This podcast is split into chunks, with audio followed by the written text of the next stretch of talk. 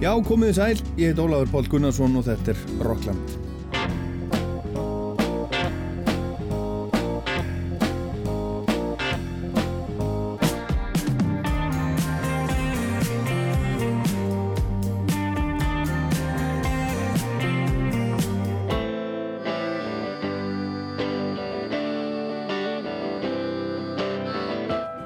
Hljómsveitin, fyrirbærið, fjöllistahópurinn eða hvað við hefum nú að kalla Guðskus fagnaði 25 ára amæli með fernum tónleikum í Hörpu, í Eldborg um daginn.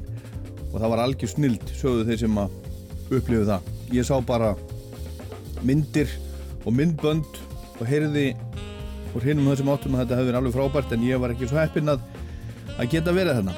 Reyndar er Guðskus 27 ára en það dróst á langin að halda upp á 25 ára mæli sem var 2020 Guðskus var til 1995 og er jafn gömul þessum þætti. Guðskus fekk á dögunum íslensku tónlistavælunin í fyrsta skipti. Fyrir popplötu ásins komið tími til. Platan Mobile Home er frábær kannski besta plata Guðskus. En gestur Rocklands í dag er Biggi Veira Birgir Þórarensson sem er sá eini sem hefur verið í Guðskus frá byrjun allan tíman margir komið og farið og svo komið kannski aftur.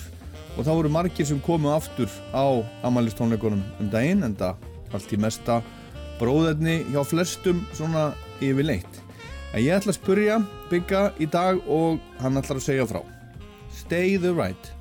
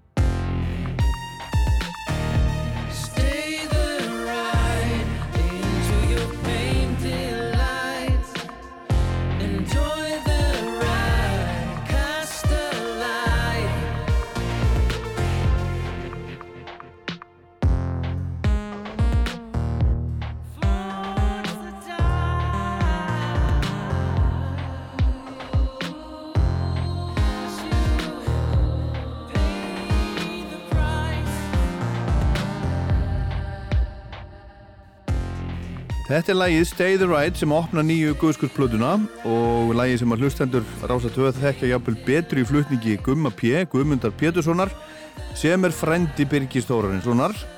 Byggi og Gummi eru bræðir af sinir en alveg á sett hverju línunni í músikinni. Gummi slói gegn með bláa bílskursbandinu á músiktelurunum 1987 en Byggi frendans var í öðrum pælingu þá ekki mikið farin að hugsa um músik eða hvað þá?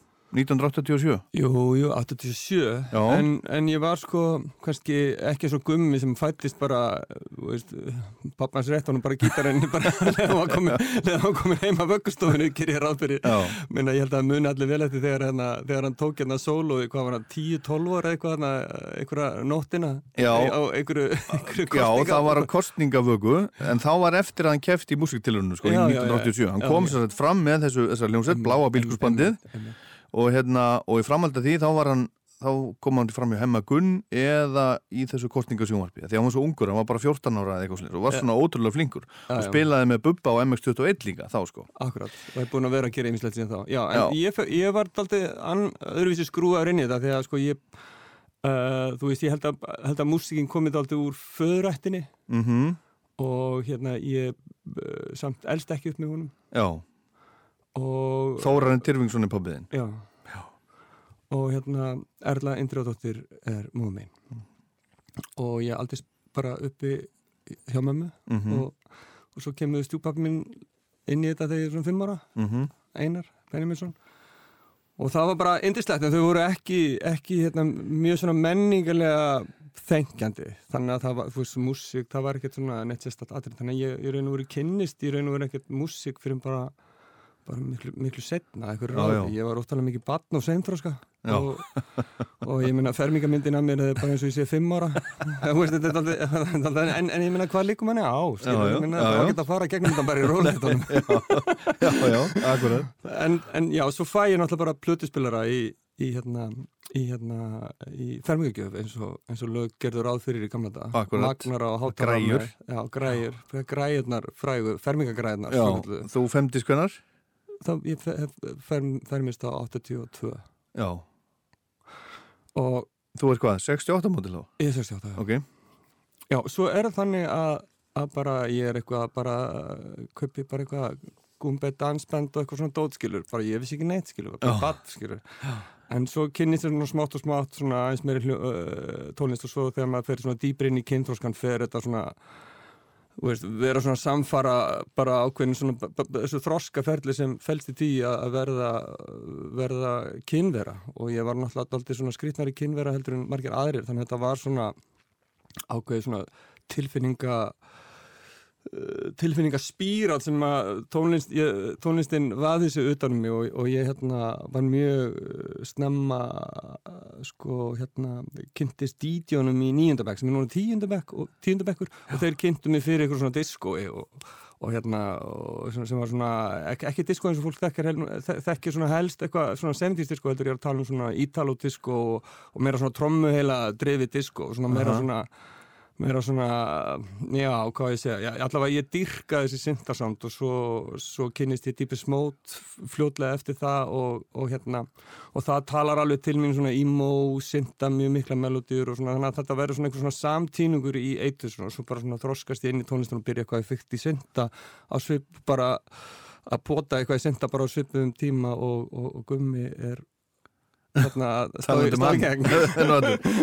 þannig að, þetta er svona grunn, grunnurinn að guðskus. Það er svona ítala, disco, syndar trómuheilar sko, og gumbið dansband. Já, kannski bara meira sko minni tilfinningaflóru. Já. Svo kem ég náttúrulega bara inn í guðskus sem einn af þeim sem voru í því verkefni. Mm -hmm. og, og þetta var náttúrulega þannig að, að, að þetta var náttúrulega drivkrafturinn í þessu var mjög mikið Daniel Ágúst. Mm og hugmyndin var einhversið líka hjá Sigurði Kjartansinni sem var að gera einhverja stuttmynd og þau voru með einhverja leikar og svona, ég ætla ekki að fara það það er nú flestir að þekk það eru auðvitað að komast að henni en hún lenga, það var allavega þannig að það var að vera að gera stuttmynd og þeir vildu gera músik, Siggi og, og hérna Daniel, það var fleira fólk hérna með Emiliana, Haldís Huld og, og, og Maggi Jóns náttúrulega og fleiri og, og nokkri sem fóru ekki endur ekki á plötuna en var svona reynda að vinna eitthvað tónlist með og svona. Og, mm -hmm. og hérna, en, þeir, en Daniel var þá hættur í nýtænsk hann var búin að pródusera segni börbúrflötuna minni mig og var mjög spenntur að gera eitthvað svona elektrónist og hérna Stefán Otni sem var uh, vinnur að sigga og var með í þessu batteri að gera þessu stöttmynd hann, hann vissi af mér að gera eitthvað syndatót þannig að ægslast þannig að þeir, þeir höfðu samband við mig og, og hérna spuru hvort við höfum áhuga og hann kom í heimsókn og leiði um að heyra eitthvað af því sem ég var að bralla í hljómsveit sem var þá hér tíuöld mm -hmm. og ég var með Magga Lego sem er sko legend í undergroundinu síðan þá og, og stjórnaði Rosenberg kallarna sem var einna bara mm -hmm. flottustu klúpum í Evrópu vil ég segja frá 93 til 95, 94 það var bara Förstas og lögadagskvöld var bara svit úr loftinu og þá voru allir bara komin til að dansa og hafa gaman, veist, ekkert að vera fullur og, og bögga stelpunar, það var bara að vera að hafa dans og, bara, veist, og tapa sér í tónlist og þetta var bara hefðvenn, skilur. Og, og við vorum eitthvað svona, vorum að keira inn í það væp og það var væpi sem ég var að, var að dyrka. Þetta í raun og veru, veist, þessi svona andlega kirkja sem hættir að búa til á dansskólunum þegar allir eru einhvern veginn of örfaður og tónlistin tekum manni eitthvað svona tilfinningarferðalega mm og þannig að ég var mjög heitlaður af því. Og þegar að Daniel spyrir mig hvort þau vildum koma að gera poptónist, þá spyrir við á Magga eru við langar að gera poptónist og Magga segir bara já, við vorum alveg tilbúinir það, þannig að við fórum inn í þetta samstarf og, og hérna og unnum fyrstu plötun og þetta var mjög mikið þannig, hún er mjög sample based Já. það er svona mjög mikið sempl úr einhverju svona öðrum lögum. Og það var styrkurnas Magalego, hann var blötusnúðinu sem hafði sko djúpa þekkingu á afkjömmum hinnur og þessar tónlist að gera sem teng, tengja svona partidæmi og, og bara sálar tónlist og öðru þannig að þetta var eiginlega þannig að sko á daginn við Daniel og, og Magalego að gröta saman með mm -hmm. þessum eitthvað svona svo kom ég eftir þegar ég var búin að vinna í reynstu á bankana og spilaði síðan einhverja syndalínur og, og, og svo vorum við saman og kláraðum að reynsmyndin og fórum síðan og tókum þetta upp þannig að þannig var svona fyrsta platu, já. já En þú varst að vinna hjá reiknistofu bankana? Já. Í hverju? Forrita. Já, ok. Já, þú, þú, þú er forrindani? Já, ég er með, með bachelorgráði í, í, í forritinu frá. Já, já, akkurat. Hérna, Kervisfræðingurinn. Kervisfræðingur. Herðu, já, þetta er að bjóða velkomin. Já, takk. Velkomin Birgir í Rockland. Ég er bara að bauða mér velkomin. hérna, hérna, við ætlum að, við ætlum að ræða Guðskus vítt og breytt í, í Rocklandi í dag mm. og hljómsveitin fagnaði 25 ára ammali núna í Eldborgundaginn. Tvís var það ekki? Fjögur gig. Það voru fjögur gig? Já. Vá, wow, það er bara 5-6 þúsund manns. Já, það var uppselt, það var ekki einn niðurlaus. og það var ég, sko, ljó, ljósa, það, var, það var rosalega mér þóttir rosalega vendum og það kýtlaði náttúrulega, náttúrulega illa færi COVID í hjarta þetta var bara fyrir einhverju einangrun og ekki fengið þessa næringu að fá einhvern veginn að gefa frá sig gleði og, taka við í staðin uh -huh. þetta var náttúrulega bara stórkorslegt fyrir okkur ég mista þessu, því miður, ég gæti ekki verið þarna já, þetta var bara rosalega mikill sigur og rosalega bara svona andlet fyrir bandir sem hefur farið í gegnum alls konar remmingar og dýfur og slitt og, og sammenningar og sundrungar og, og, og geta einhvern veginn, hú veist ég var að taka eitt lagna sem hefur aldrei verið tekið áður og ég var að taka nokkur lög sem hefur ekki verið tekið síðan bara í nændisunu og eitthvað svona og hérna það bara, þetta kom ótrúlega vel út og það var allir bara rosalega, vel, rosalega þakkláttir og allir stóðu sér svo vel og þetta var bara, já þetta var bara, bara indislegt, það er ekki hægt að lýsa því öðruvísi. Já. En nú er einhvern veginn, sko, það er að skapa svona hefð hérna í Íslandi, það er að, það er að verða svona árlegir tónleikar, það er svona árlegt á þessum, sérðu þetta fyrir eitthvað svona árlegt, eitthvað svona, svona bara svona guðskus festivalið, einu svona ári, allir koma saman, allir í stuði? Já, já, okkur ekki. Nei, sko, þú veist, þetta var náttúrulega þannig að við vorum búin að vera, sko, Uh, þá má ég lega segja að bandi sko bara, við höfum kannski eftir að fara í gennum söðu frá nokkur sinnum með mismönda hætti en það verður allavega þannig að, að sko, þessi hópu sem verður til í nænti það hrýnur bara í raun og veru. Mm -hmm. það er kannski betur en það setna Já. en upp úr því höldu við nokkur áfram sko pródúserarnir. Mm -hmm. og engin söngvari lengur og engin lagarsmiður lengur en, en það voru ímsar ástæði fyrir því að við ákveðum að halda áfram með nafni og, og, og þá kemur urður til okkar. Já og tekur við svona keflun á fronta þetta band og Steppi sem hafi verið sko kvikmyndatökumæður og ekkert komið nálægt fyrstu plötunni neitt. Mm -hmm. ég sá hann bara þegar það var verið að skreita fyrir fyrstu tónleikana þá bara hitti hann, hei bless, já þú ert einna með okkur eitthvað svona, þá hitti hann í fyrsta skipti. En svo kemur hann og pródúsera með mér uh, Steppi, Steppi Steff já, já, svo kemur hann og svona inn í inn með mér og við erum alltaf saman að grautast í þessu stöffi sem að, sem sem að var svona, já, sem var hluti af þessu this is normal. Og svo, svo sagt, við alltaf svona ákveðum að keira þetta áfram. Magilegu kemur okkur inn, inn í 2000, Urður kemur síðan finnur okkur bara eða, eða, eða stekkur bara til okkar. Mm -hmm.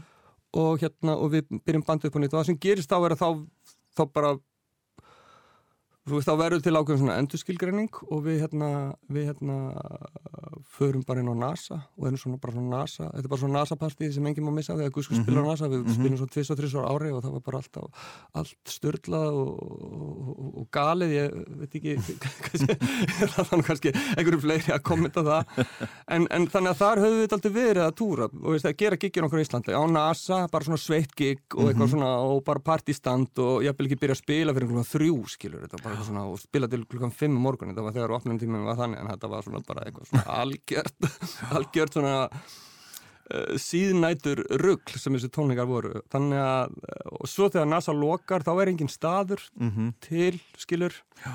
í raun og veru ekki gamla bí og alltaf mikið þú veist uh, noise limit þannig að það er ekki þetta að gera neitt þar og það er ekki, ekkit annað vennjum en maður fara bara eitthvað eitthva íþrótahús og eitthvað svona þannig að Þannig að einhvern veginn bara, já, við hættum eiginlega bara að vera um okkur einn tónleika eftir það en mm -hmm. fórum bara að láta duga að spila á festivalum. Vorum að spila á Airways, fórum að spila á Sonar, svona við og við og það, og það var svona bara að láta duga. Mm -hmm. en, það, en það var það náttúrulega sett upp þar sem var allt komið ljósinn og við sjálf og annað, þannig að þetta var svona bara, þú veist, var svona áreinslu laust að gera veist, fyrir okkur að standa í þessu og lítil áhætta en svo kemur margir með þessu hugmyndum að gera bara gigi hörpunni og, og hérna, já sem hefur verið að vinna með okkur tónleikana á Íslanda alveg sem við vorum á NASA og ég hafði enga trúfri hörpunni, þetta er eitthvað galinn ég vissum ekki þetta tvo. Og ég bara, nei. En veist, ég bara trist honum og við fórum í þetta. Fjögur gegn maður. Já, og svo, svo gerðum við þetta gig í Elbog uh, 2018 Já. og hérna og, og það sem var alltaf skemmtilegt við það mér fannst líka mikilvægt að fara inn í hörpunum með eitthvað svona koncept, þetta er ekki bara einhverju tónlingar það er einhver, einhver pæling sem mm -hmm. núna, núna færði eitthvað sem hún fær venjuleg ekki ef þú fyrir á venjulega tónlingar með kuskus sem er að vísu kannski ekki ótt á Íslandi mm -hmm. þannig að þá Þannig að 2018 gerðu við tónleika þar sem við lögum þetta áherslu á sko nasa tíman og Urður kom og tók fullt af svona lögum, svona stelpu partilögum sem vorum að taka í nasa sem við höfum ekkert tekið, þannig að hún mhm. hafði ekkert verið að túra með okkur lengi. Já. Þannig að það var svona pælingin þá og svo varum við þetta 25 ára ammali að fara svona einhvern veginn skauta yfir, yfir katalóginu og fá svona bara eins marg og mögulegt var til þess að mæta á svæðið og, og, og, og gefa svona, svona myndabandinu og það var það sem við vorum að gera, gera núna. Og hverju voru með? Það var Maggi Jóns Já. og náttúrulega ég, Daniel og, og, og Margaret Brown sem er, mm -hmm. bara, sem er bara samförð okkur núna í bandinu mm -hmm. og meðan það meðan, við, meðan hún vill og, og það er náttúrulega bara stórkværslega þannig að Maggi Jóns kom með, Emiliana kom líka mm -hmm. sem að var að vísa ekki sko en hún var með lag á fyrstu plötunni en hún fór ekki í ruggli þegar við sænum fórum og fórum á túra og hún sagði bara, mhm. neða, ég get ég leta ekki, henni langa að gera þetta eitthvað gera eitthvað aðeins öðru sig en hún kom og tók væg og mhm. svo, svo kom Steppi, Stef sem -hmm. að náttúrulega veist, við endum bara veist, okkar samfunnu bara næstu í slagsmálum sko, en hann kemur bara og kemur bara með NASA, steppa, bongo bara og rústar hörpunni í þessum, þessum styrluðu lögum, If You Don't Jump og Lust og, og hérna svo kemur Högni líka og tekur hérna Opnus í Sexual sem var svona uppáðslega ekki við þjónu heldur, Opnus í Sexual mm -hmm. skilur og hérna og svo, og svo náttúrulega fengum við líka bjössa í, í, hérna, í nýtans til að koma og taka lag sem hefur einu sinni verið tekið áður á Akureyri á ykkur verslunumælgi sem var hérna þryggjadagavakt sem fór svona sem einhverjir hafa laumastu að hafa sem svona gildi plessur og ég veit að það er hérna uppáðslega skíslamartins með kuskus Já, ok. Þannig að þetta var svona, já, alls konar skilurs á meðan við erum kannski, erum að keira náttúrulega túranu núna sem við erum að gera núna út í Európu, þá erum náttúrulega bara við þrjú erum ekki alltaf að keira bara á, á, á nýju plötinni og, og bara klúpahitturunum mm -hmm. nýlugum klúpahitturum Heyrum aðeins ánum höldum vorum, heyrum aðeins hérna smá þryggjadagavakt Allt í læg Á akkur, eyri og ísa verði trúf, trúf, trúf, trúf, trúf Í reykja, í góð, vestmanna eigum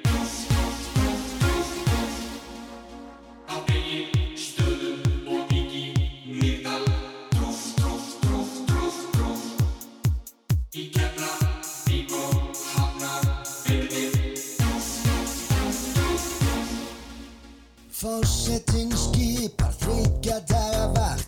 Kafteitnin heimtar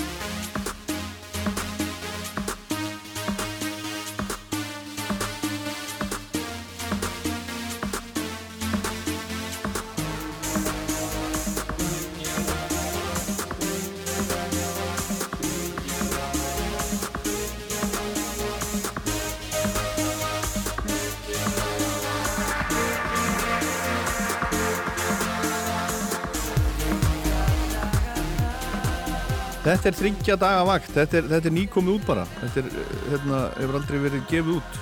Já, ég Guðskus og Björn Jörundur.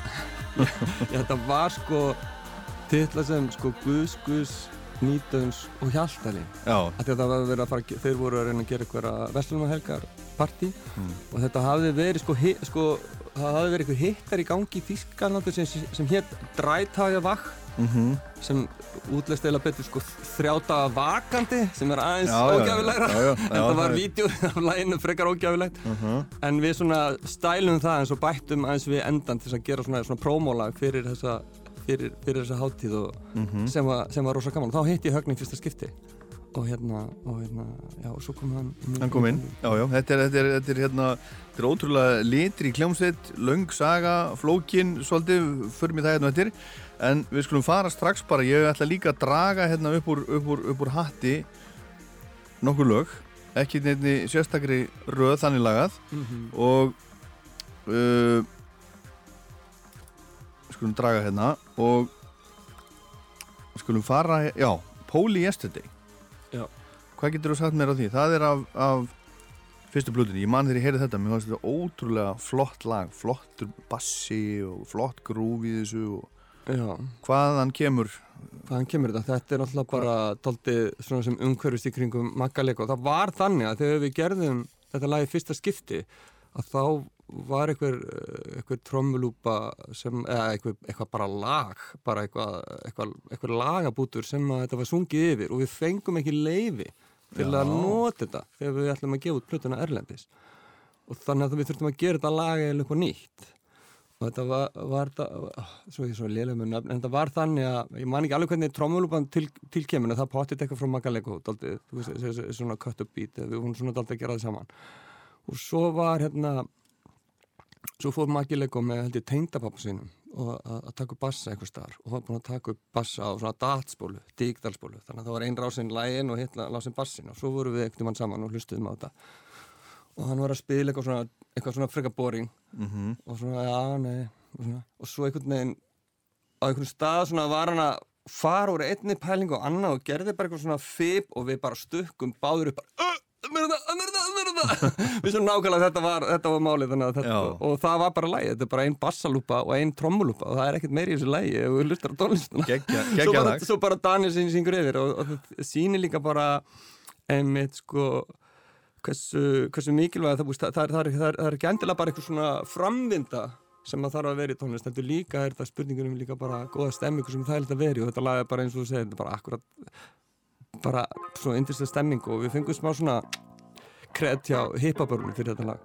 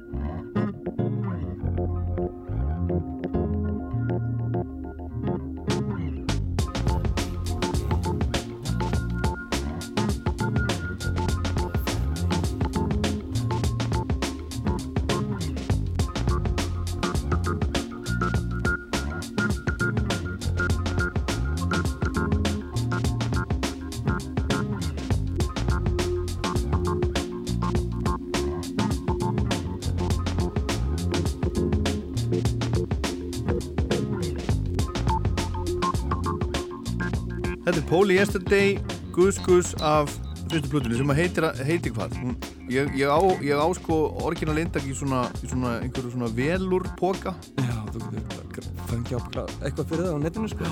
og svo á ég líka ennsku. Já. Hún heitir Póli Yesterday. Ég sko, þegar platan kom út á Íslandi, Já, við gáum hana fyrst bara út á Íslandi 95, oktober eitthvað, og þá hétt hún bara Guðskus. En þá var engin hljómsveit. mhm, Það var bara einhvern veginn Guðskus var bara eitthvað þetta. Já. Þetta var ekki, veist, þetta var bara eitthvað, bara, veist, það var ekkert komin eitt plan, eða veist, við vorum bara að gera þessa plötu af því að einhverjum langaði til þess. já, þannig að fyrirbæri hétt bara Gus. Bara Einhvern þetta projekt var bara, þessi, þessi plata, hún var bara Gus. Já, og svo í einhverjum viðtölum þá var eitthvað að vera að rembast við að vera eitthvað fjöllista hópur og að við vissum, sko við vissum alltaf að við vorum ekki hljómsveit Já, neymitt, fjöllista hópur, hvað? þannig að það var, það var verið að reyna að finna ok, við erum ekki hljómsveit hvað erum við þá? Já. hvað erum við? Bara, og þá var bara, já, kvikmynd eitthvað, fjöllista eitthvað, þannig að það var eitthvað svona en síðan, síðan bara svo heldum við nokkra tónleika og svo, svo, svo fáum við fax í januar ég held bara að þetta væri búið, við erum búin að spila eitthvað þrenna fyrir tónleika og ég held bara, ég var bara, já, ok, bara Já, Já, Maggi Lego verðum bara að fara að gera eitthvað annað meira, meira Rosberg party og, og ég verður bara að fara að vinna í reist á bankana. Mm en svo fáum við fax.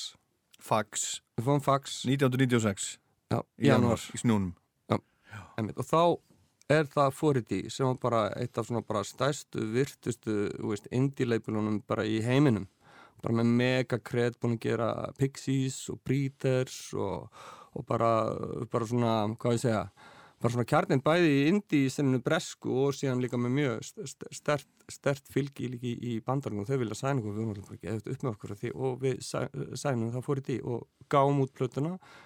Þurftum að endurvinna tölvöld mikið út af því við fengum mikið leið fyrir söm Mm uh, borguðum dýrum dómi sem betur fyrir fengum við að nota kúlan gang trommulúpuna í Believe fyrir ekkert alltaf mikið pening. Ég held að við bara beðum eitt fjóruðarlegin sem var bara mjög fer fannst okkur með okkar hinni voru heimta. Það var bara annarkvort nei eða 100% Já, ok.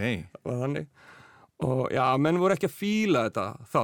Þetta var að koma illa við marga tónlistamenn að einhverjir gangsters væri bara eitthvað að gangi í kataklingum þeirra og gera bara eitthvað rugg hvað sem er þannig að það var eitthvað, það var pínu svona ekki alveg komin svona þessi framvindu skilgreiningur á, skilgreining á snildin að leifa fólki að nota hljóðbúta og Já. setja í nýtt saming en maður heyri fullt af þessu núna ennþá núna er bara, Já, já. er þetta bara svona Já, þetta er orðið meira svona, það búið að, það búið að grafa, grafa skurðina í dag. Já, þetta er núna bara svona svona, bara svona freka poppa, ei, tökum eitthvað gammalt hérna riff og, og tjömmum eitthvað annað við það eitthvað svona, Aha. bara eins og núna hérna, hvað voru það að gera hérna? Æ, hérna, með honum Elton John, núna lagi gamla Já, sem- akkurat. Já, akkurat, Sacrifice. já, hérna. en já, já. bara búið að svona endur hanna lagið nýtt lag utanum í raun og veru alveg erindi, skilur Já, já, Já, já, það má allt. Þetta er bara TikTok-skets það er bara, það er bara, það er bara gaman. Það er gaman, það er gaman, það er bara Já, þannig já, þannig að við endurinnum plötuna og svo var hún gefin út og fór þetta í Mhm. mm 97. akkurat. En, en, en hérna, ég er búin að gleyma, þú veist, nafnið, Guðskus. Já, þetta, var, þetta kemur frá Sigga, þetta er okkur fastmyndir uh, mynd eitthvað, þú veist, það var hérna einhver asísk kona sem var alltaf að elda gúskus fyrir leijandan sem var að leia hjá henni hún var eitthvað svo, og það átti að vera eitthvað svona táknum ástennar, þannig að þetta var svona eitthvað ma matarást. Þetta er svona, já, þetta er svona, svona ást og þú, var, þú var, varst að tala á þennum líka um sko þetta svona dans, svona eh, danskirkja eins og, í, eins og í læginu með hérna, hérna Faithless, God is a DJ. Já, This is where I heal my hurts. já, God is a DJ. Já. This is my church. Þú, þú sér þetta svolítið, Ég sé, þetta, bara alveg þannig Ég sé þetta bara þannig að sko, sko við erum veist, mannverur og, og við, og veist, við kannski við vitum kannski ekki almennilega hvað við erum en við erum sannlega samsett úr ímislegu og við erum náttúrulega veist, dýrið og kynveran og eitthvað svona en síðan er líka hluta okkar sem er að einhverju leiti og mismunandi mikið í einhver svona andri leit. Og það hefur alltaf verið einhver svona ritualar eitthvað svona sem, hef, sem fólk hefur verið að halda einhvern tíðina í kringum einhvers konar svona uh, þú veist, einhvers konar spiritualisma. Fólk eru alltaf að reyna, bara, reyna að skilja tilvistina og, og reyna að átta sig einhvern veginn á eðli mannsins og, og, og, og bara, já, og, tilvisturinn bara í starra samingi, þannig að þetta er eitthvað svona áleitu og, hluti af þessu er náttúrulega einhvern veginn að ná, ná tengingu einhvern veginn út fyrir hverstægin fattur fara, eins og kirkjurna voru byggðar svona rosalega glæsilega þannig að fólk geti gengin og fundi, já, svona er himnaríki mm -hmm. fattur þannig að það fyrir síðan heim, já, ég veit hvernig himnaríki er þannig að þetta er eitthvað svona, gefur eitthvað svona já, svona já, eitthvað skonar eitthvað, eitthvað skona vissu inn í eitthvað skona spiritual uh, þörf að það sé að tilvistin er ekki bara fórómanónska skilur eitthvað svona skilur, og, og hérna og, og ég sé þetta bara þannig að, að, að eins og fólk nálgast þessa tekno viðbyrði þegar að, þú veist, þegar djammið er ekki bara það að vera fullur og reyna að komast sens eins og hefur kannski, er kannski mestu leiti oft skilur að þá eru þessi svona tekno viðbyrðir eins og þeir hafa þróast í gegnum þessa danstónlista sprengju sem verður í, í, í, í lok 80-sins og byrjun 90-sins að, hérna, að, að þá fer þetta verða svona sem fólk sækir í til að fá einhvers konar svona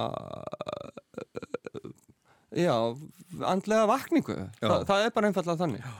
og það er bara, við sá einhverja frett í Breitlandi en þá bara já, það er bara það eru, það eru það þrjár miljónum manns yfir 50 sem fara reglulega á reif Já, hvað er það? Þau eru bara að fara í kirkjunu sinna, þetta er bara kirkjan þeirra. Það, að tónlistin er líka tónlistin er mjög spiritual fyrirbrið það, veist, að að hún, hún, hún snertir við einhverjum tilfinningum án þess að þurfa að fara í gegnum hugsunna að það er ekki, þetta er ekki speech skilur, þetta er ekki tal. Þetta eru, en, en tónarnir reyfa reyfa við einhverju inn, innan í manni þannig að það, það, að það vakna upp tilfinningar þess að það sé einhver sko, hugsun sem hafi búið til heldur tónlist. Þannig að þetta er svona þetta, þetta, þetta, þetta reyfir við fólki og, og, og, og líka út af því að hérna, að það er engin orð þá er, þá, þá er ekki verið að segja fólki neitt. Eða heldur er þetta bara sem sagt sko svona, já, það er ekki sem sagt engin trúabröð sem fylgja. Þetta er bara verið að, að, að svona að örfa örfa, örfa þessa, þessa, þessa guðlegu tilfinningaveru sem við höfum öll í okkur einhver leiti amen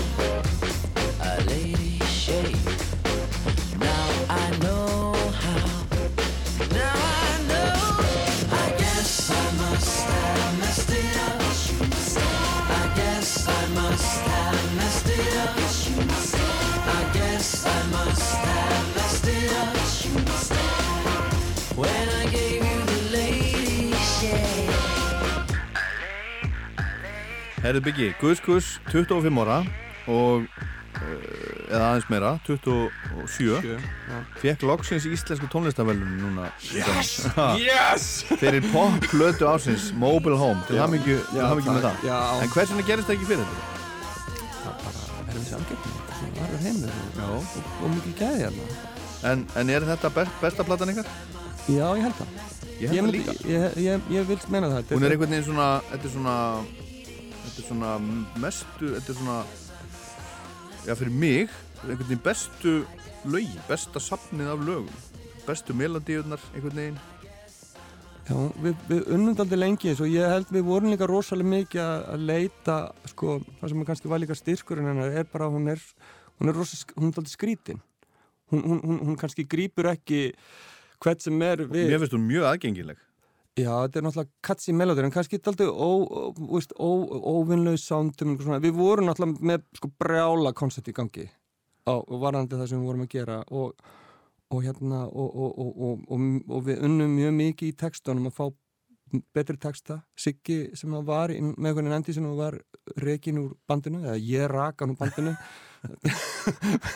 Og það, það eru, voru skiljanlega rástað fyrir því á þeim tíma en hérna, en hérna hann, hann kemur og hérna er að vinna með okkur textunum á þessari plötu og svo kemur Stefán líka með okkur og þeir eru að gera vídjónu við þessari plötu. Þannig að við vorum þannig að við náum miklu betri textum og hérna og, og, og, og annar í það og síðan voru við líka fóru við bara mjög svona mikið dýpi í, í, í músíkna mér, mér finnst ég er komið með alltaf fættis með að gera mjög flokna músík hans floknari ég er náttúrulega mm -hmm. að fara að keppa við einhverja snillinga en, en oft voru kannski mikið á þessum djömlum voru bara eins og pólistið, bara eitthvað einfalt djam hei, þetta er cool, mm -hmm. hei, er það góðum feeling getur ekki eitthvað skatta yfir þetta og svo eru bara allir glaðir skilur, mm -hmm. og það er ekkert meir en, en svona metnaðin hefur kannski aðeins vaksið með árunum, þannig að maður, maður, maður, maður getur ekki alltaf verið að gera sama þannig að þannig að, þannig að, þannig að, jú, það hefur metnaðin hefur aukist í að gera einhvern veginn marg slúnari tónlist og ég held að sé, þú, finn, þú finnur það alveg á Mobile Home mm -hmm. Jújú, jújú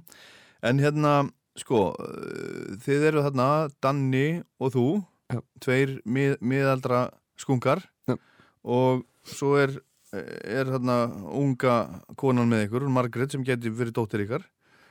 Já, Já 30, 29 ára en þá Hún er allavega yngre en dóttir hans Daniels Já, hún verður, veit ég, hún verður 30 Níunda þegar þeir eru að spila í Prag Prag í sumar Já.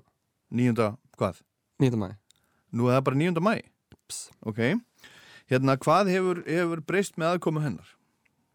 Bara ókslega mikið Mm. Bara stemmingin, þetta er bara eins og að fá sko Þú veist, þetta er bara eins og að bara labba út á vorin, skilur Já, Þú veist, það er hún klár Já, þetta er líka bara þannig þegar maður er veist, að gera tónlist, þetta er alltaf líka maður er alltaf að veist, uh, í, maður þarf alltaf að finna eitthvað nýtt þess að inspirera mann skilur, og það getur alveg verið mismöndi hvað það er. Kannski maður með það rosalega flóki verkefni og stóra sína, það er alveg nógu inspirerandi bara í að gera svipað hlutvokslega lengi eins og Kjarval þegar hann var að gera sína myndir, skilur mig. Mm þetta, þetta er bara þannig, maður er einhvern veginn að gera eitthvað og svo er maður veginn að halda áfram að með eitthvað frammundu og ég, veist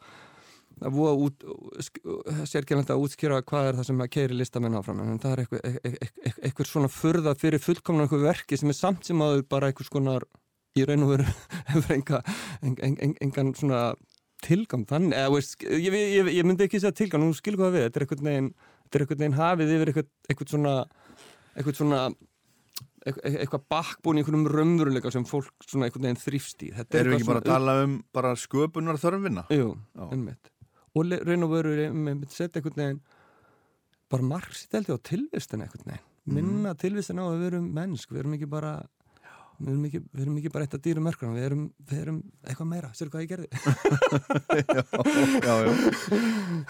Erðu, hérna, ég er búin að já, draga... já, og það sem ég ætla að segja bara er að akkurat sko já, þannig að það hún komi inn bara opna þetta allt saman þetta var líka þannig að vo- voru lögarsvar blötu sem við vorum búið að burast með þetta aldrei lengi. Sumt af þessum lögum voru við sko, lög, veist, voru fyrstu lögin sem við veist, byrjuðum á eftir Mexikoplötuna sem fóru sem sagt ekki á plötuna sem var hann á milli, More Flexible. Þá bara því að voru ekki alveg tilbúin og það vantaði eitthvað, við vissum ekki alveg hvað vantar en svo kom það bara í ljós þegar Margaret kemur inn og það bara vantaði að hún kemur og kláraði þessi lög með okkur. Þótt hún hefði komið svona inn á endasprettinum að þá var hún það sem þurfti til þess að klára þetta. Mm og svo kemur hún náttúrulega með bara hægir sem var náttúrulega bara veist, sturluð innkoma og Mhm. bara einmitt, gefur mjög spennandi fyrirhutum hvað þetta er að gera með með svona einmitt klúpa kirkjuna Já, já, Ég- ég var, ég var einmitt að, var einmitt að hlusta á það hérna áðan og, og talandi um þetta að svona flókið flóki lög, Já. flókin lög. Þetta hljómar ekkit vola flóki, svona við fyrstulustun, Já. En svo er bítið einhvern veginn, það er einhvern veginn út um allt. Ég sko, Það er, þetta er sko, það er er ekkit, þú ert ekkit alltaf í tíma. Þetta er, þetta er svona, já, já, sko, það, það er nú eitt hvernig hljóðmyndin er smíðu, það er líka, það er líka alveg spekulasjón varandi það hvernig þú smíðar hljóðmyndina og eitt af því sem er, sko, mér finnst mjög mikilvægt þegar maður er að gera svona elektróniska hljóðmynd, það er að, það er veginn að gera eitthvað hluti sem að, sem að svona, sem að halda heilanum vakandi. Þannig að hann hafi bara, er alltaf að reyna að skilja þetta en getur Aha. kannski aldrei alveg að skilja þetta. Þannig að hann er alltaf bara, ha, býtu, býtu, ha. Þetta er svona hægjast og hraðast einhvern veginn og, og svona fara einhvern veginn. Já, það er svona, ég með svona einhver svona, dí, þú veist, það var bara það var hvernig dílegi virkar í, í bítinu og svona, þannig að, það- þannig að þú ert einhvern veginn, þú ert alltaf, alltaf að reyna að fóta því í þessu svifi, þetta er Já. ekki bara þannig, já, eins og heilin sem bara, já, ég skil það núna, með þetta, ég, tralla með þessu, þú ert bara einhvern veginn bara, ú, og, þa og það er að, að geggja lag. Já, það, það er líka hluti af því að gera þetta, þetta tilfinningaferðalag sem að þarf að vera til staðar ef þetta á að vera, ef þetta á að tjekka í boxi að vera svona kirkjutekna. Þetta er kirkjutekno. Já. Þetta er algjörlega þannig. Og textin líka, we, Já, get, já. we need to get higher. Já, já. Og hérna, og bara ógísla flott sound og, og, og svona, skulum heyra þetta.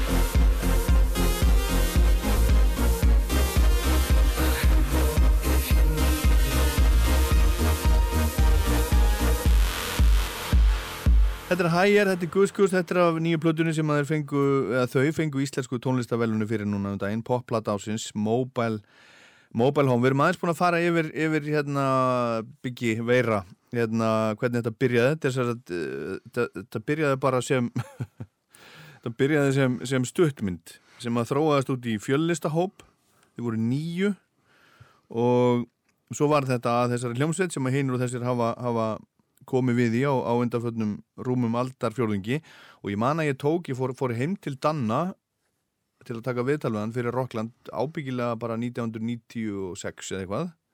Eða 7 þegar það voru að fara í fyrsta túrin held ég út. Já, það verður þá vel mm, já, get, já, getur vel verið að hún byrjaði að túra aðeins áður en platan kom út en hún kemur út 97, þannig Já, líklega er þetta 97 þetta er 97 líklega. En ég, ég, ég man að ég fór heim til er heima hérna einhvers staðar rétt hjá útvarpinu og hérna og ég var að spörja hann út í þetta sko, sagði við hann, "Ha- þú veist, hefur engar áhyggjur á því að þetta, þetta springi loft upp? Þeir eru svo mörg, ég meina Simon og Garfunkel þeir eru bara tveir, það fór allt í klessu á þeim.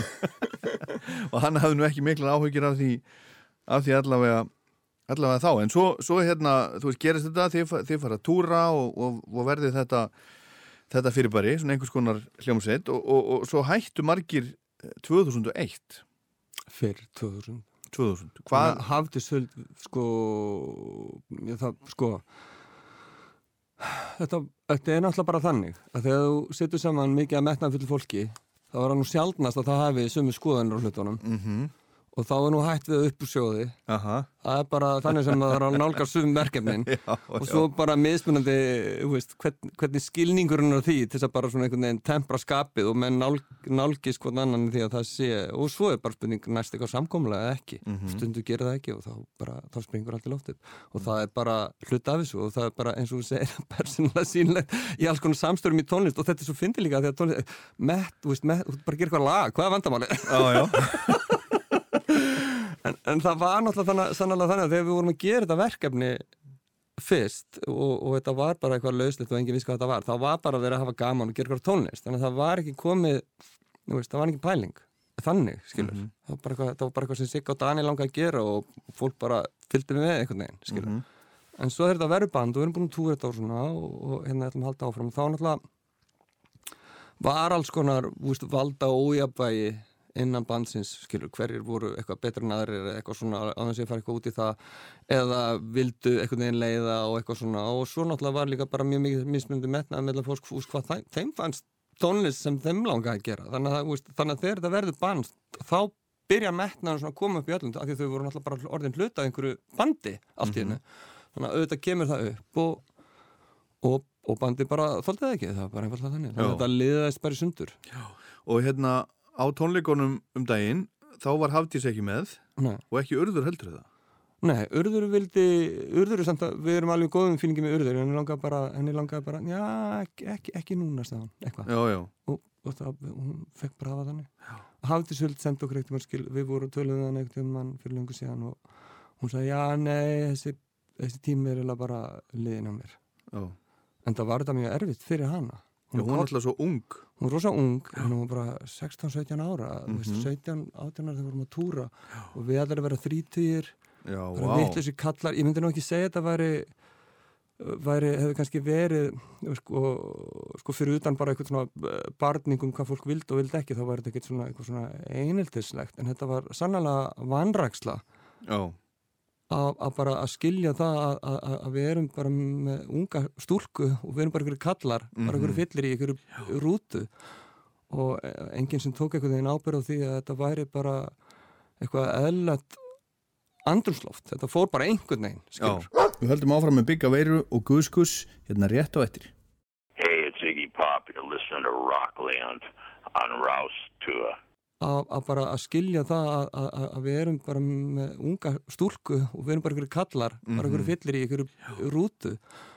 Og enginn sem tók einhvern veginn ábyrð á því að þetta væri bara eitthvað eðlætt andrumsloft, þetta fór bara einhvern veginn og þið, fór bara allt í steik og, og bara, og bara þannig að þið hafi ekki vandað eitthvað nógu mikið í samskiptum við, við hana Nei, en það var það bara koncept alltaf til eitthvað að vanda sér í samskiptuna, kemur setna, kemur bara með nýja árþúsundi.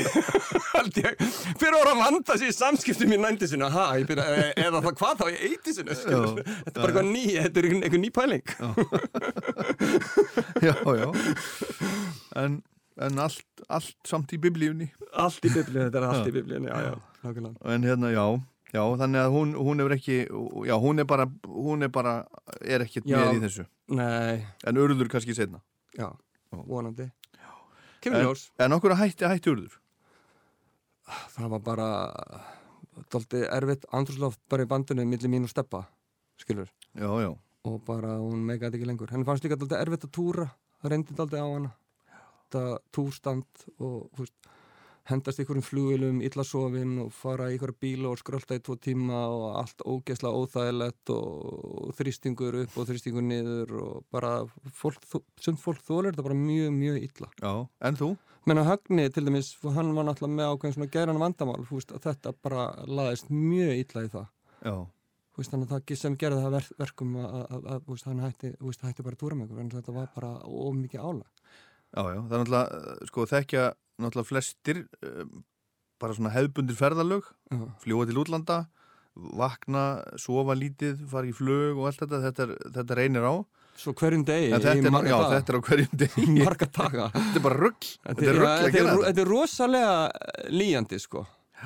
En á móti kemur að, þú veist, svo fær maður langt frí ánum milli, en suma hljómsveitir er að gera þetta endalaust. En ég held líka að hljómsveitir sem er að gera þetta svona ógæslega langa túra eru náttúrulega bara stærri bönd og þá er einhvern veginn þá er bara Það er meiri þetta að hafa þetta miklu þægilegra og bandið, þú veist, þarf ekki að endilega koma á öll soundcheckin og eitthvað og þetta er einhvern veginn gert miklu öðuldar og, Já, og það já. bara en, en þegar menn eru svona skrölda á budgeti þá getur þetta verið mjög erfitt Mhm.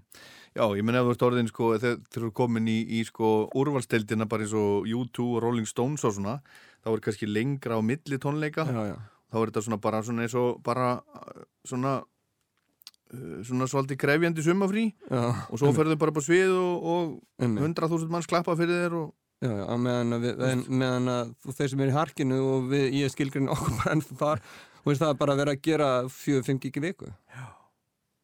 og bara vera að fljúa og, ja, veist, við, reynum, við reynum samt að vera í rútu þegar það er hægt sko, það er, það er mjög mikil munur. En stundum er því ekki komið við. Já, eins og dæmis að þetta túr í Rúslandi er, tölum við úr Úsland og þetta Herðu, við skulum, við skulum hérna, við skulum taka David núna.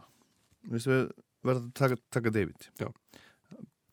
Er það er bara, já sko David er kannski bara best lýsandi fyrir sko þegar þú ber saman kannski Pólistu degi og David að þá bara, það, er bara munurinn því sem að bandið sko svona endur vaknaði inn í með því að við heldum áfram við endur stittum konceptið og auðvitað kemur inn og þá verður til David, var eitt af fyrstu lögunum sem við gerðum saman eftir að, eftir, eða svona, eftir að Guskusið endur stilti sig upp úr 2000 og kannski má segja sko tónlistalega sér langaði mig tólti að yfirgefa það að vera nota svona mikið trommulúpum. Langaði frekar bara að gera að forrita trommuheila bít meira svona eins og ítaladiskoið og, og sumt að eittistóttunum sem ég var að fíla minna að trommulúpum þótt það sé einhverja trommulúpur á aðtensum plötunni.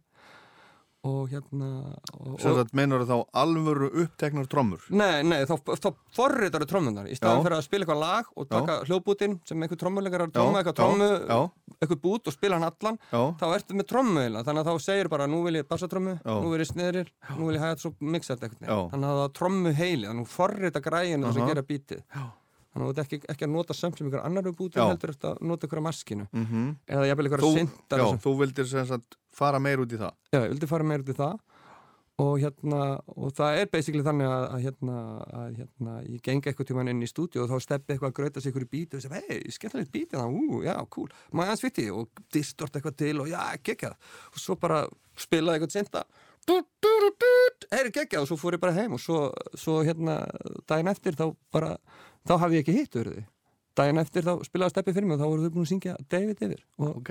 og svo bara stöttu senna var lægi tilbúið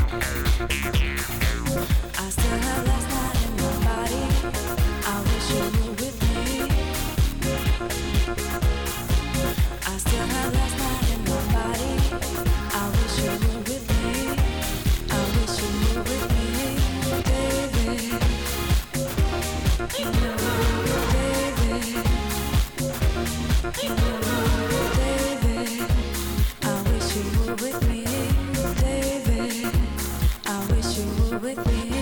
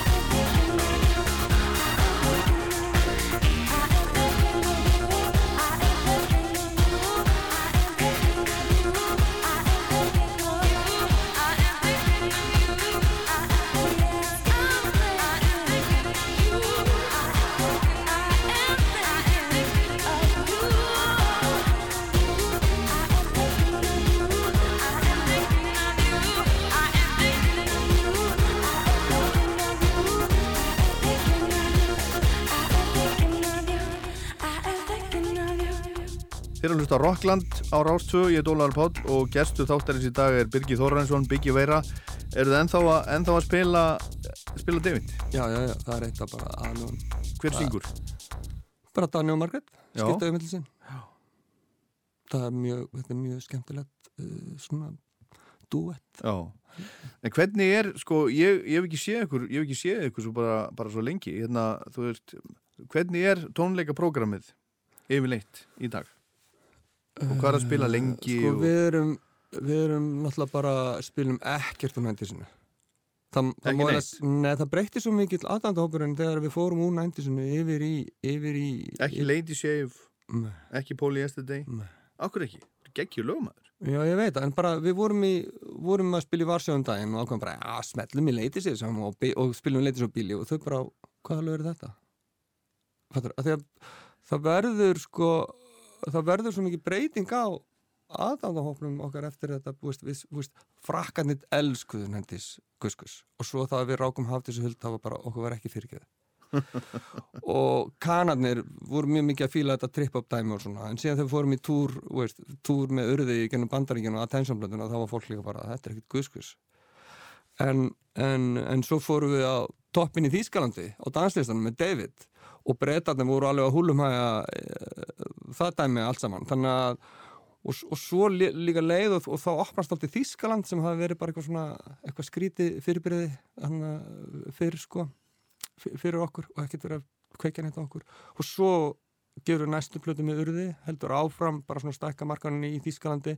Og líka, má ekki glemma það, sko Austur-Európa er þetta aldrei svona tengt inn í Þýskaland. Sko undergroundi í Austur-Európa og svona stemmingin í Austur-Európa, hún er hún er pínlítið svona tengt við þjóðverðan, þjóðverðin er aðeins smá svona filter á það sem kemur frá Breitlandi og, og Bandaríkjunum.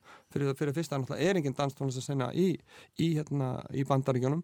Og senan í Breitlandi er rosalega sjálfkjör hverf eitthvað svona handbag house stemming dálítið svona, þannig að Austur-Európa er til í eitthvað annað, hún er meira svona á þýs, þýskulíninu og það sem við vorum vorum hérna með var svona meirinni það og sérstaklega síðan þegar við förum og gerum 24-7 og Arabian Horse. að þá passar það miklu meira við þessa austur-Európu áru og hvað þeir voru fílað og þá opna sá markaður rosalega mikið fyrir okkur þannig að við erum rosalega mikið bara að spila spila sem sagt uh, spilum David og Moss annars er þetta bara lög sem eru frá og með Arabian Horse plötinni Já, já. En hérna, en hvað, uh, þú veist, er þetta löng sjó hjá okkur í dag? það er bara, já, klukkutími og 45 minnir eitthvað leys Já, já, já, já, bara, þetta er svo mikið keistla það er kannski, veist, þetta er ekki svona þetta er ekki kannski beint svona róandi sett uh, þannig sko. Þannig að það er ekkit, það er ekkit hægt að keira fólk út endurlust. En svo fyrir þetta mismunandi eftir aðstæðum, en þetta eru festivalum, þetta stittra eða skólabölu, enn stittra unglingarnir að en það er aldrei land sem við spilum á skólabölu síðast. En það er aldrei svona trikki bara að velja lengdin á tónlingunum með bara hvað þóli fólk. Já.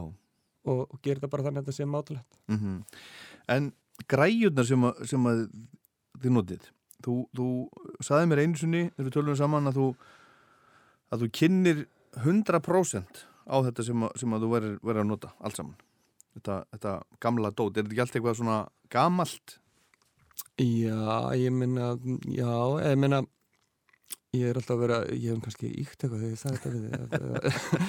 en, en, en það hefur náttúrulega, sko, eitt af því sem að kannski gerðist einhver staðar, ég veit ekki, líklega gerðist þegar ég fekk uh, fyrsta dófer hljóðgerðvelin til landsins einhvern tímann, áður um fórum á túrin 97, eitthvað svo leiðist, þá hérna þá hérna, þá, þá var ég búin að sjá að það var eitthvað, eitthvað þjóður að gera svona nýja synda sem voru svona mótula syndar það virkar eitthvað þannig að þá er hver hluti af því sem að er í hljóðgerðunum er aðgreint og þú tengir það saman með snúrum og þetta gerir það að með að þú getur tengt þetta einhvern veginn allt öðruvísi og þetta er miklu svona opnar að hvernig þú getur gert búið til sandin og ég var eitthvað spenntið fyrir þessu.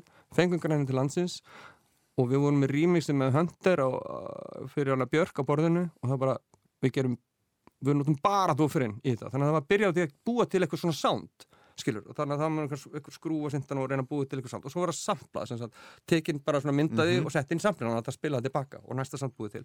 Og svo bygguðu til eitthvað svona fullt af svona soundum og gerðum höndir remix með því. Og það kannski upp frá því kom svona stert inn já, emmitt, ef maður er að gera elektrónska tónlist svona hluti af því er í raun og veru hljóðmyndin. Þú veist, hvað, er ég, veist, hvað er ég að vinna með þessar hljóðmynd? Þannig að möguleikarnir eru þar eru svona miklu einhvern veginn svona já, innan svona gæsalapa miklu svona, tölvöld opnari heldur en að vera kannski með standardband sem að er að gera þetta inn á aðra hluti skilur, heldur en að vera skilur, það er, veist þannig að, þannig að þá, þá, þá verður þetta mjög mikið svona uh, að smíða eitthvað svona skrýtna hljóðmyndi Já. eins og, eins og bara hægir er þetta er ekkert, svona, þetta er ekkert eitthvað svona mennult lag en þú veist þessi katsi eitthvað svona þá er þetta bara what? skilur er- já.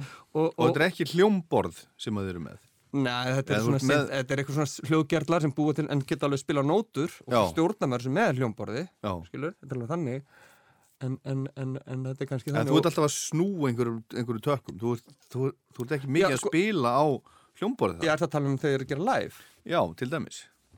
Já, þá, það er alltaf öðruvis ég er ekki að spila á eitt einasta hljóðfæri en þetta er gert þannig að það sem ég er í raun og veru að performera og þetta er líka mjög mikilvægt sem allir sem eru svona í elektrónus tónlist og bara tónlist yfir höfuð sérstaklega þegar hún er orðin svona tölvu vætt og þetta er allt bara einhverju einstaklingar eh, hætti að vera hljómsveitir. Hvernig ætlar þetta að koma með þetta svið, hvað er það að fara að gera? Er það að fara að íta play bara á, á live í, í, í makkanuðinum og, og eitthvað að vera á einum sleða og syngja yfir Þú veist, hver er performancein Akkurat. hver er upplifunin upplifun áhórandar sem þú sért að fremja þennan tónverkna fyrir fram að þig. Þú veist hvað á það að vera í elektrónistónlist maður skilur það vel í sko varandi svona traditional rock og roll og svona það er bara að sjá gaurana Aha. og þeir eru að spila þetta á hljóðfæri sín. Og þeir grúfa svo flott og bara stemmingin og þegar það sounda vel þá er það bara wow, þá, þá finnur þau bara fyrir þessari harmoni og það er það sem þú ert að reyna að vera að vitna.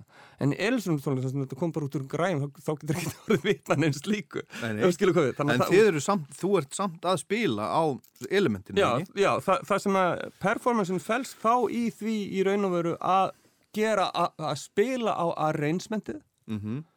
og hljóðmyndina veist, hvernig bara þannig að ég er í raun og veru þótt ég sé ekki að spila neitt þessum elementum, þá er ég að nota til þess að konstruktera lægið frá grunni í hvers skipti. Já, og það er líka gert þannig að þetta er svona allt í svona lúpum þannig að veist, hvernig tímaframvindan er í læginu er, er alveg opinn já.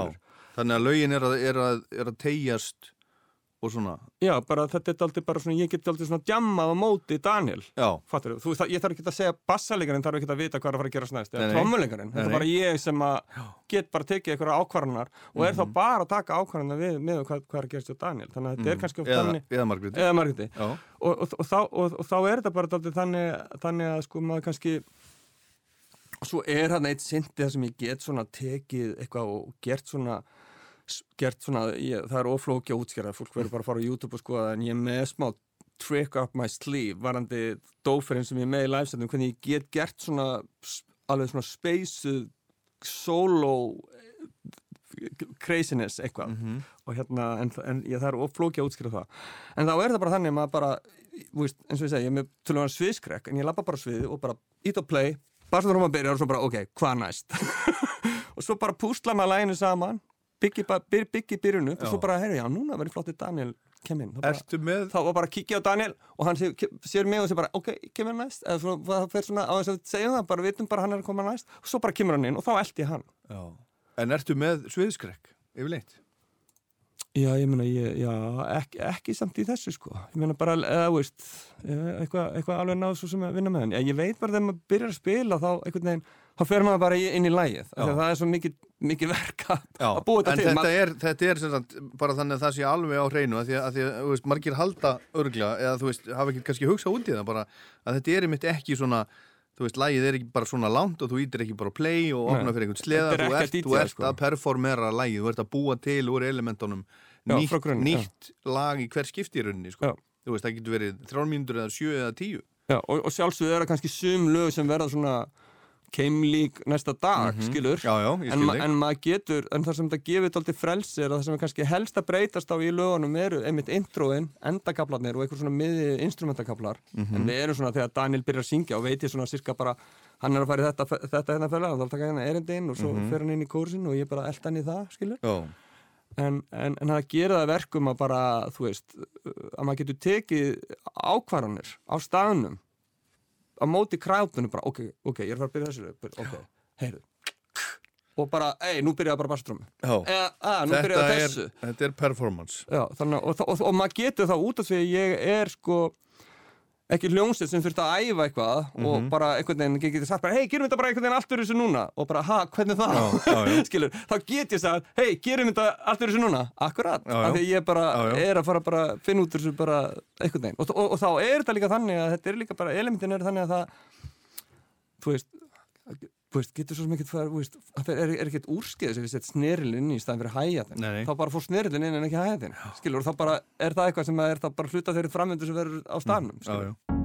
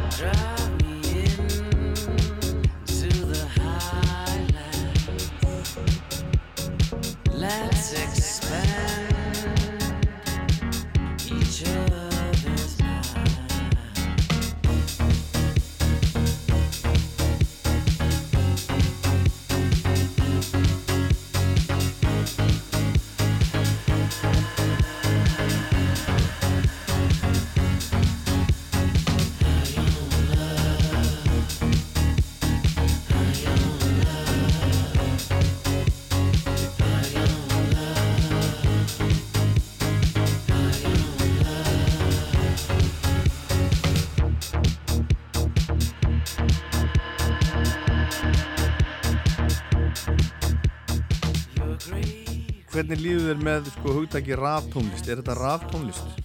Sem við erum að gera? Já. Já, sko, þetta er náttúrulega Rafsól. þetta er sko, þetta er svolítið erfitt hugtak að vinna með vegna þess að mér finnst vera að tengja svona Kirkjuteknó. Já, þetta er ekki þannig að þetta er kirkjuteknó en sko raftónlist er svolítið svona, svolítið svona erfitt kannski núna þegar þetta er orðið svo rosalega rafvægt allt saman og alls konar tónlist er eitthvað raftónlist sem er sem ég myndi segja að væri miklu meira svona bara svona tilrunakend tónlist einhver en að einhvern veginn fyrir, fyrir mér er raftónlist þannig að sko að, að, að, að sko grunn, að hljóð að grunnurinn í hljóðinu sé úr einhverju elektrón.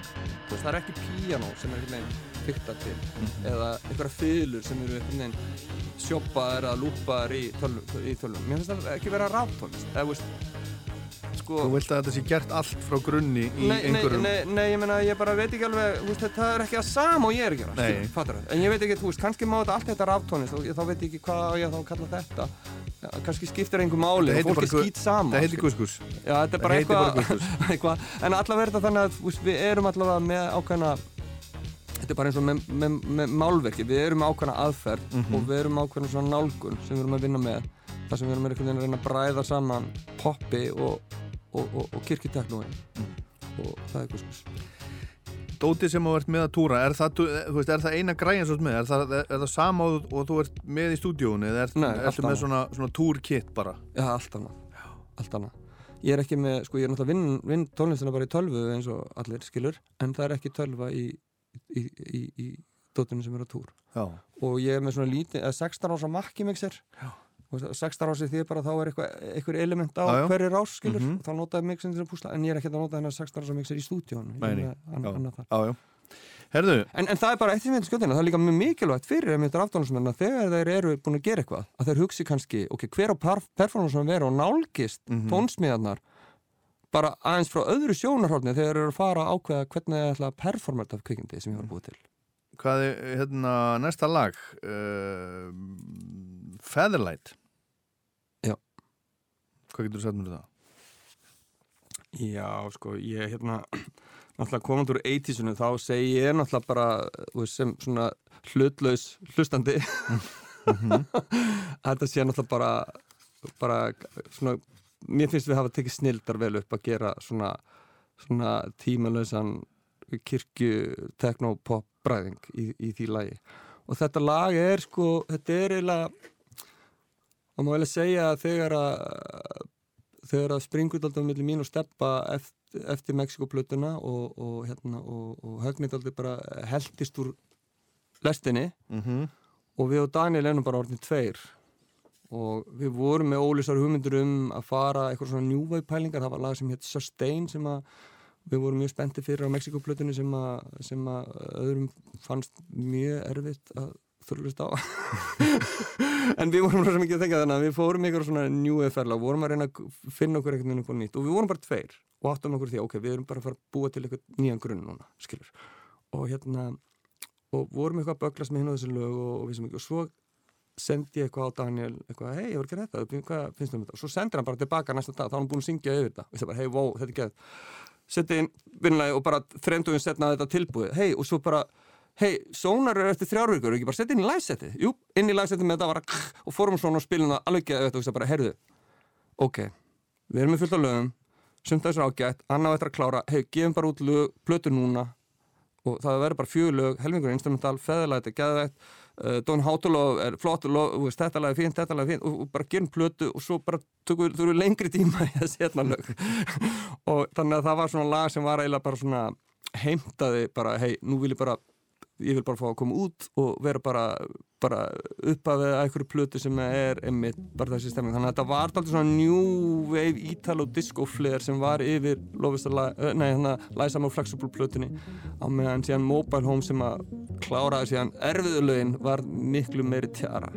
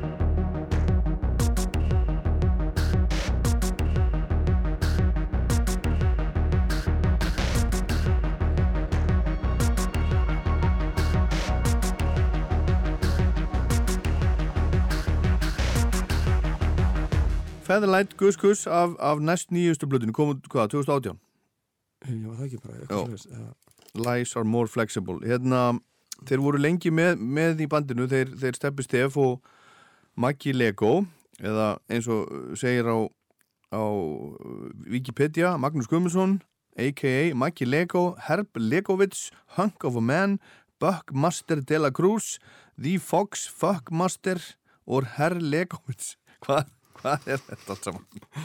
Sko þetta er bara einhver fettur sem er frá Magalego sem kemur bara úr hvernig þessir hérna, svertingarnir voru að hefða sér í Detroit og Chicago þegar þeir voru að byrja að smíða húsið í, í mið-eitisinu Já. þá var þetta einhvern veginn, þú veist, það var rosalega mikið konsens að væri einhvern veginn, þetta er ekki eitthvað svona að ég veit ekki, þeir voru alltaf bara með einhver mismunandi, mismunandi nöfn og þetta var svona út og suður, þetta var eitthvað svona eitthvað svona stælar, svona anti-popstjörnu eitthvað dæmi Já, já, en svo náttúrulega uh, og svo byrja, og byrjaði líka bara eins og, eins og, eins og hérna, eins og þegar að teknói kemur inn í Þýskaland og, og þá byrjar í raun og veru þar að mótast alltaf svona reif menningin aðeins, svona aðeins öðruvís og aðeins en hún hafi verið á hérna Summer of Love og þessum þessum hérna þessum, þessum, þessum, þessum, þessum hérna útiháttiða fyllirum í Breitlandi þetta er alltaf svona öðruvís, bara eins og svona dýbri stemming sem kemur einhvern veginn með, með, með, með hérna með hérna þjóðverunum og, þá, og þá, þá hérna byrjaði svo sena, svo tek, kirkju teknosena þannig að, að, að sko að DJ-n var ekki stjárna heldur sá sem er að dansa. Þannig að þú, þú, þú mætir tónlistin er og þú sér náttúrulega ekki neitt það er bara strópur reykur og allir bara veginn spesaðir og, og þú ert bara stjarnan í músikinni þannig að það var aldrei svona nálgunin veist, að DJ-n var ekki guð. En svo breytist það og DJ-n verður þú veist, presturinn. Það kemur síðan svona bara smátt og smátt en, en, en, en þegar þetta var svona byrjað þessi reyminning þá var, þá var einhvern veginn vola mikilvægt einhvern veginn að þetta væri ekki með sömu formerkjum eins og þessi stjörnundýrkun hafi verið í popnu En sko, þú ert einn eftir af upprunulega guskusópnum Þannig. Nei, Daniel líka. Já, þú hefur verið, sko, hann, hann hætti hætti um tíma. Já. Hann hætti hérna í, í hvað? 2000 Alveg tíu ára eða ekki? Nei, sjö. Sjö ár. En sko er það, sko, þetta var eiginlega þannig að við vorum náttúrulega komnir eitthvað áleiðis með þriðju guskusplutuna og þetta átt að vera þannig að, þú veist, ég, Daniel og Siggi ætlum einhvern veginn að vera kjarnin í guskusinu á þriðju plutunni en svo einhvern veginn fór það úr böndunum að sé fara hérna, að, að fara mikið ekki það hér. En, en, hérna, en Daniel vildi fara solo og fór Já. solo en við vorum með eitthvað lög sem við höfum verið búin að klára og það var eitt lag sem hétt Desire sem að mér fannst geðvegt og, og, og sem að Daniel leiði okkur að setja á Attention-plötuna. Þannig að það er eitt lag með Daniel á Attention-plötunni. Og svo var þetta þannig að, að, að Steppi var að grötast í einhverju remixi fyrir Daniel á einhverju lagi sem hann var með á solblötunni og ég stíði einhvern veginn inn í það og, og spila eitthvað píano, píano í því og það verður Moss, svona remix af lagi sem hann ger á solblötunni og svo báðum að fá að setja það á fórhefðu plötuna. Þannig að Daniel er alveg með lög á þessum tveim plötum sem eru þarna þar, sem hann er ekki í bandinu Mhm. og svo túrar hann með okkur restina af fórhefðu plötunni.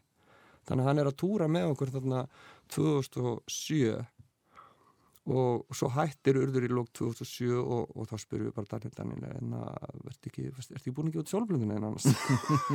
Jú, ekki bara koma að gera tæna. Og þá kemur hann inn, inn, inn og, og þá breytum við aftur um gýr þá vorum við búin að vera rosalega mikið búin að vera hlusta ég og Steppi á alls konar svona tekno sem hefði verið að gerast í, í, í Þýskalandi það var dálítið svona, dálítið svona kom svona ný stíl og ný stemming svona upp úr 2004-05 það var allt miklu svona melodískara það var allt miklu meira clever það var miklu meira músík, það var miklu meira sexy það var miklu meira grúfi stelpunna byrjaði að dansa við teknóið bara einhverjar stelpur sem að, þú veist voru ekkert sérstaklega pæli tónlist, það voru bara að fíla þetta og þá, þá byrja partíð, þegar stelpunna mæta þá er komið partí. Þannig að, þannig að við viljum aldrei fara það og þannig að, þannig að, hérna, þannig að við fórum svona fara meira svona á einhverjum teknobrautir eh, með Daniel og, á, á 24.7 sem er notabenni upp á splátan hans John Grant. Og E- ástæðan fyrir því að hann kom og heimtaði að heita mig þú kynnti mig nú fyrir já. Ef við ekki að heyra þá þá hefur eitthvað lag af henni Jú, hvernig væri þá bara að spila hittarinn af plötun sem við erum ennþá að spila þannig að þetta unglingandi fíla það er allavega upp á slag dótturina, það er Er einhver, er einhver saga á baku það? Já. Með þetta var bara eitt af þessum lögum sem við vorum einhvern veginn að grautast með og, og, hérna, og, hérna, og það má segja það að þegar við, veist, við náðum ekki að klára þessi lög áður en að sumari kom og við þurftum bara að fara að mæta á eitthvað festival þannig að þú veist, þegar mánuður í festival sagði bara svona, heyrðu, ok, við erum ekki með einn lög en þetta er allt góður hugmyndir og eitthvað svona við, þú veist, þegar ég að við erum ekki með lög við vorum ekki búin að finna út um einu arrangementi. Við vorum með elementan svona en, en vissum ekkert hvernig við ætlum að klára þetta sem lag. Við vorum með alveg með ýmislegt sko. Þannig að ég rustlaði þessu bara einhvern veginn inn í livesettið getandi bara einhvern veginn ákveð bara á staðnum hvernig arrangementið er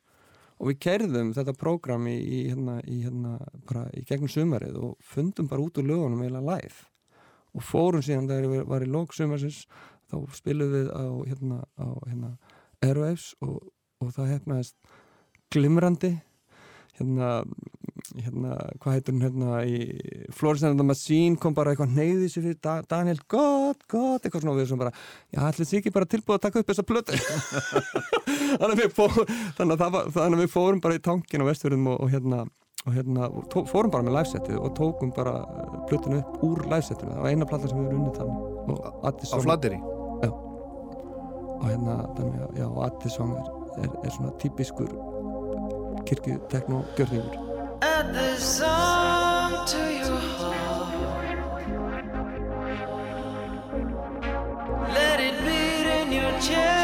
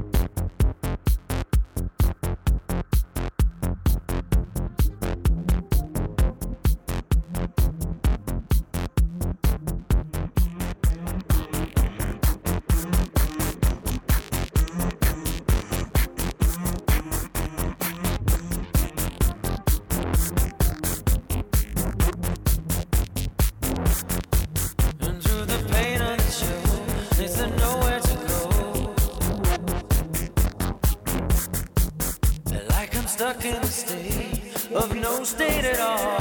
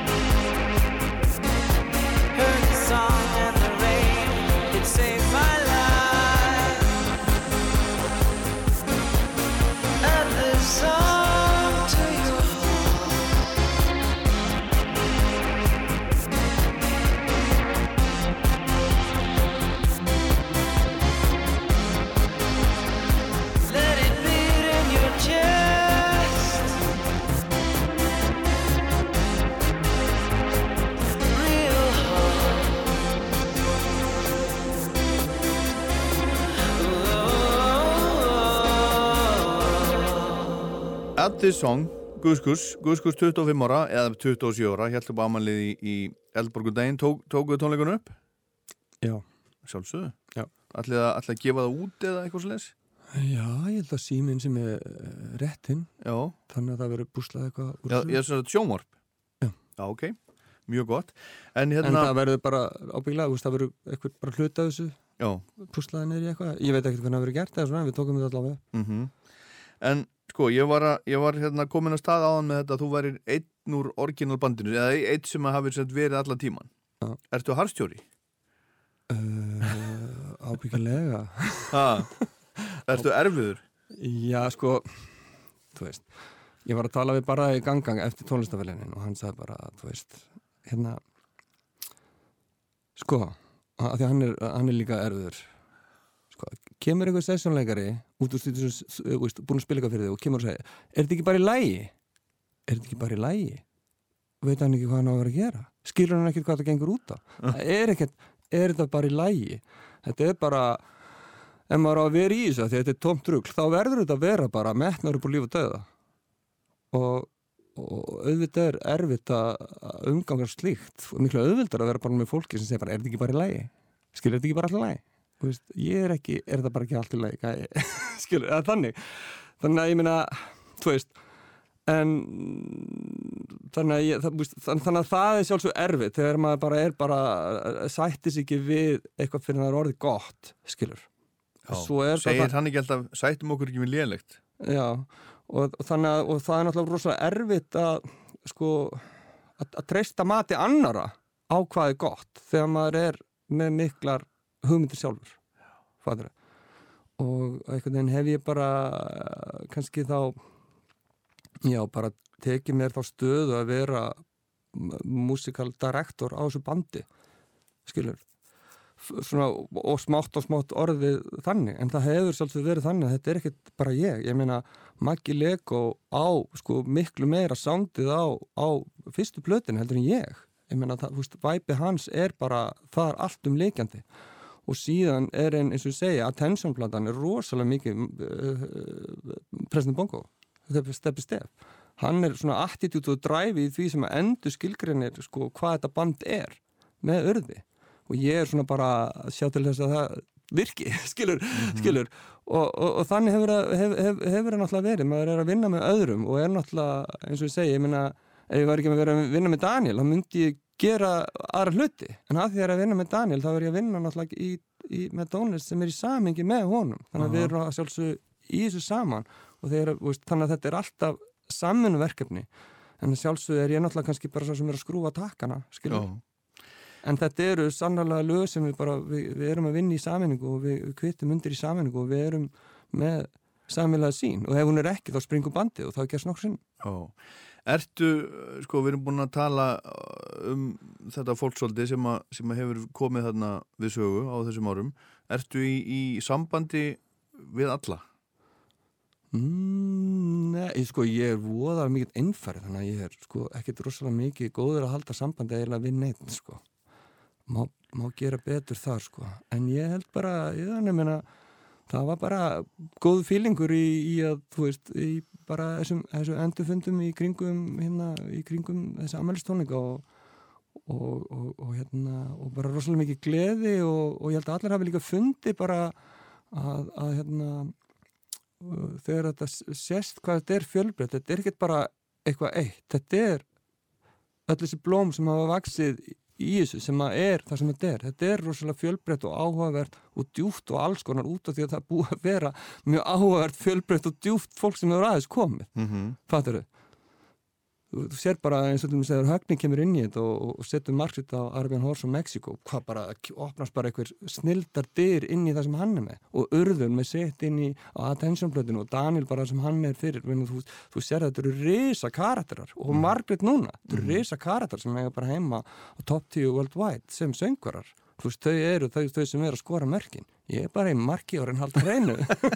Ok, en, en Byggi, þú er, nei, hérna, já, þú ert hérna, þú ert fjölskyldumæður Hérna, myndur þú ráðleggja börnunum að leg- að leggja þetta fyrir sig? Nei, þetta er allt og erfitt Það, Se- það er hægt se- að hafa miklu þægilega Segir þau það? Ég meina, uh, þú veist, eru þau, í músík eitthvað? Nei, að sjálfsögðu sem ekki Sko, ég held að sé bara mikilvægt fyrir alla að finna sér sama hvað ég gera að, finna sér eitthvað starf sem þeim finnst gaman að sinna Mhm. og hafi getið sett metna sinni að sinna það voða sorglegt að maður, maður lendir ykkur æfistarfi sem, að, sem að maður hefur ekki metna fyrir. Og ég held að fólk leitist við það að finnast það sem við metna fyrir. Og sumir geta sett metnaði bara alls konar og eru bara svona frekar flex hvað er setja, setja metnaði þannig að ég held að það sé mjög mikilvægt og það þarf ekki að vera eitthvað ótrúlega göfurt þetta er bara enga, þetta er bara til að finna veist, þægilegan stað í lífinu. En svo held ég að sé líka mjög mikilvægt fyrir mjög marga, ef ekki bara alla eða flesta, er að rækta daldi sköpunarkraftin og, og, og hérna og, og, og ganga um með opi hjarta og, og, og gefa sér daldi að tilvistinni svona út fyrir út fyrir reglulegheitin skilur. Og hvernig sem fólk gerir það er bara, bara hérna, getur verið hvernig sem er hvort það er að búa til eitthvað eða njóta einhvers eða bara grautast í einhverju eða hafa áhuga einhverju fyrðulega hvað er, ég held að það sé bara rosalega mikilvægt fyrir alla að finna einhvern þannig vingil og fyrir suma eh, verður þetta bara aðeins svo mikið köllun eins og kannski fyrir þá sem að endast í tónlist þetta er náttúrulega bara, það er ástæði fyrir því að fólk endist í þetta er ekkert, það er bara út af því að fólk getur ekki annað Mér langar aðeins að koma inn á hérna, make-upið og hælaskóna og það allt saman. Já, Hvað, hérna, hvað er það? Já, sko, þetta er nefnilega svo seglega. Þetta er náttúrulega mjög mikil sko vakning fyrir alls konar svona vítum á kynneið, kynveru og kyntúlkun og hvað og þetta hvað og það er LBT get, ég kann ekki allar þessar staði. Ég er svo lélegur í- ég er þessu, ég er ekki að gera lítið úr þessu alls ekki. En hérna, en hérna uh, fyrir mér var þetta bara þannig að ég var einhvern veginn í eitt svona burðast með eitthvað sem að ég veit ekki alveg hvernig ég á að útskýra en var sannlega eitthvað óhugbundið og ósamþygt og ég kalla þetta bara eitthvað fatastúsi vissi ekki hvað það var, skilur en þetta var eitthvað samt. Og ég er ekkert endilega búin að og svo var maður mikið að velta fyrir sér og svo er þetta líka bara þannig að það þurfa allir að einhvern veginn að finna þessi eigi stað í samfélaginu og þá þurfa fólk að, að það passi inn í eitthvað boks já, já kall kona og svo Mhm. hei, býtu, ég er ekki í því bóksi, hvað er bóksið mitt? Já, þú veist, búin til bóksanda þeirra hérna. Já, heyrðu, ég er ekki að, þú veist, þannig að það, veist, það er greinlega, og það, og það er bara út af því að við, það er okkur mjög mikilvægt að vera einhvers staðar inn í einhvers konar félagslegum stiga þar sem við getum notið virðingar Fattar? og þess vegna að vera að smíða þessi bóks að því að fólk bara, þú veist, er að reyna að setja sig á kortið þú veist, ég er líka í lagi Mm -hmm. eins og ég er en ég er ekki eins og hinnir þannig að þetta er aldrei eitthvað svona þannig að þetta er aldrei, það og ég er bara einhvern veginn var mikið að pæla í þessu veist, er ég hommi? Nei, ég er ekki hommi ok, hvað, er, er ég kona? Nei, ég er kall ég er bara, ég er kall í kjól, ok og svo komst ég ekkert áfram með þetta. Mm þannig ég hætti bara að pæla í þessu. Og ákvað að hætta bara að pæla í þessu? Og hugsa bara, við langar miklu meira hugsa um bara um ykkur aðra hluti. Já. og ég er þá bara í kjól og nælón sokkabúsum um við sýnist og með naglalag og setjum með maskara. Og, og ég ætla ekki að pæla í því neitt frekar. Ég bara líti á mig í speil og ég bara ánægð með mig. Já. Puntur. og fer svo að gera eitthvað annað. Já, gott. Herðu, það er hérna aðsend spurning ef þú myndir, að því að við, við, erum, búin að vera í þessu hérna, hérna svona alls konar andlegu og, og hitt og hitt og það. Ef þú myndir nú endurfæðast hvernig myndir þú vilja koma hættur? sem dýr eða planta eða? Ég veit ekki, ég veit ekki hvað maður græðir einhvern veginn kannski á eitthvað mikið að pæla í svona hlutum. Ég held að þetta sé miklu frekar að maður á að pæla í einhverju þá maður að pæla, hvernig get ég bara endurfæðist inn í þessa tilvist og orðið eitthvað dýpin en það sem ég er og, og, og klára restina af lífinu að það sem er í dýpi ég held að það sé er úr stóra spurningin hvaða lag passar með þessari pælingu? bara, ég veit ekki hvað er það með í bóði?